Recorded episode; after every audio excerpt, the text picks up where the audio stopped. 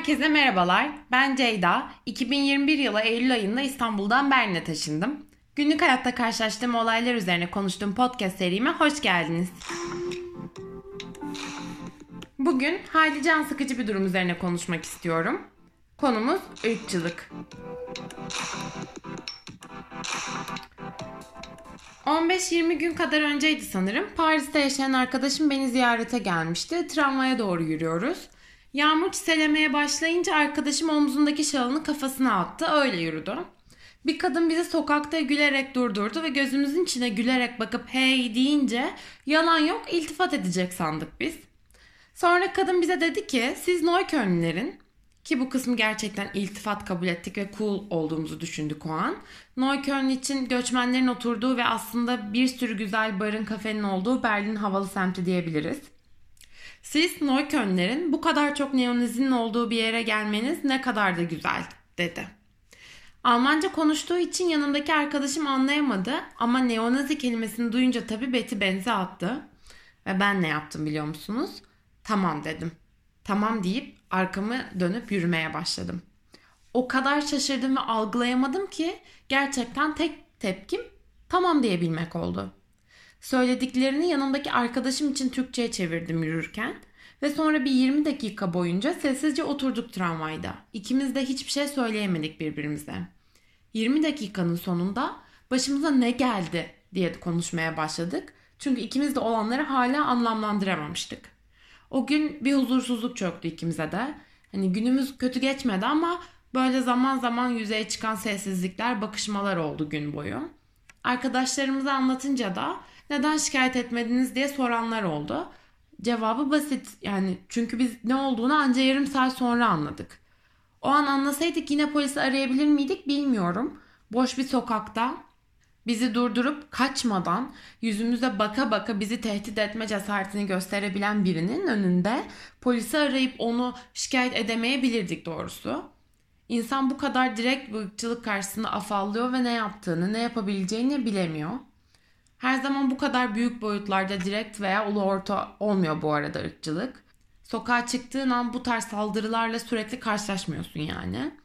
Daha önce neden herkes Berlin'e taşınıyor bölümümde söylediğim gibi bana kalırsa Berlin diğer şehirlerden daha alışık farklı görünüşlerde insanlara. Yani üstünde sürekli bir göz hissetmiyor insan. Daha günlük olarak karşılaştıklarımız bazen hemen göze çarpmayan, iltifatın, bir şakanın ya da bir sorunun altında gizlenmiş ırkçılıklar. Etrafımdaki insanlardan biliyorum ki en çok ayrımcılığı dil bilmemek üzerine yaşıyor genelde göçmenler. Bazen burası Almanya, Almanca bilmiyorsan ülkene git demek kadar ileri de gidebiliyor bu ırkçılık. Bazen ise sen anlamaya çalışırken hızlı konuşup senin konuşmana sabır göstermemek üzerinden ilerliyor. Dil üstünden ırkçılık sadece kişilerden kaynaklı değil elbet. Bir sürü devlet okul sayfasının İngilizce versiyonu olmaması da burada yaşayan bir sürü göçmeni çok zor durumda bırakıyor tabi. Mesela benim tüm karantina ve korona sürecimde bana atılan bilgilerin hepsi Almancaydı. Ve açıkçası anlamadığım ve yardım istediğim çok zaman oldu. Bir başka ırkçılık ise Türkiye'den gelen birinin nasıl olması ve görünmesi gerektiğine dair varsayımlar yüzünden ortaya çıkıyor. Türk Müslüman erkek resmen şeytanlaştırılıp kadın ise ailesinin baskısı altından kurtarılması gereken bir mağdur halinde görülüyor. Yani batının omuzlarında yine bizi kurtarma yükü duruyor. Ailen içki içmene izin veriyor mu? Erkek arkadaşın olduğunu biliyorlar mı? Gibi. Asla örneğin bir başka Avrupa ülkesinden gelen bir kadına sorulmayacak sorular size sorulabiliyor. Eğer kafalarındaki resme uymuyorsan da ''Aa sen öteki Türkler gibi değilsin, ama sen hiç Türkiye benzemiyorsun diye güya iltifat ediyorlar sana. Gülay Türkmen'in tam olarak da bu konu hakkında 2019'da yayınladığı bir makalesi var. Türkmen bu makalesinde bir Türk'ün nasıl gözükeceği hakkındaki varsayımların aslında ırktan ziyade din, sınıf, kişinin sosyoekonomik statüsü ve kırsal kentsel geçmişiyle ilgili olduğunu söylüyor. Yani orta sınıf şehirden gelmiş ve görüntü itibariyle Müslüman olup olmadığı anlaşılmayan Türkiye'li bireyler Almanya'daki bir Türk nasıl görünmeli varsayımlarını karşılayamıyor. Tabi Berlin'de artık bu duruma herkes çok şaşırmıyor. Çünkü Türkiye'den son dönemde farklı şehirlerden gelen farklı kesimlerden çok insan var. Ama bu tabi ırkçılık sona erdi demek değil. Bu sefer de ''Aa sen o zaman iyi olan Türklerdensin'' tarzı bir yorum gelebiliyor. Aslında Türkiye'den 60'lar itibariyle işçi göçüyle gelen insanlarla son dönemlerde gelen göçmenleri sürekli birbirlerine kıyaslama ve hiyerarşik bir düzenin içine oturtma söz konusu bu spesifik ırkçılığın içinde. Bunu sadece Almanlar yapmıyor bu arada. Yeni göç dalgasıyla gelen Türkiye'lilerin bir kısmı da kendilerini e, ilk dalga ve sonraki jenerasyonlarından ayırma eğilimindeler. O yüzden aslında bahsettiğim kategorileştirme ve bunun üzerinden ayrımcılık yapılmasını onlar da yeniden üretmiş oluyor. Konuştuklarımızı toparlamak gerekirse Almanya Türkiye'yi bilen e, ve az çok tanıyan bir ülke nispeten.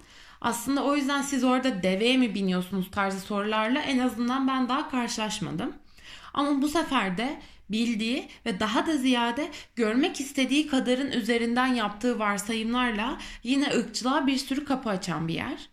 En azından durum gözlemlediğim kadarıyla Berlin'de böyle. Burada hatırlatmak istiyorum ki ben Berlin'deki ırkçılığın diğer ülkelerden, şehirlerden fazla olduğunu asla sanmıyorum. Hatta tekrar ediyorum. Burada göçmene daha alışıklar diye düşünüyorum. Tabi ırkçılık çok büyük, çok altı dolu bir mesele ve her yerde. Maalesef günümüzde hayatımızın da her alanına çoğu zaman gizliden nüfuz etmiş halde. Yani burada sadece ev ararken karşılaşan ırkçılığı konuşmak bile epey vakit alır aslında. Ben bugün sadece genel bir giriş sağlamak istedim konuya. Umarım dinlemekten keyif almışsınızdır. Takipte kalın.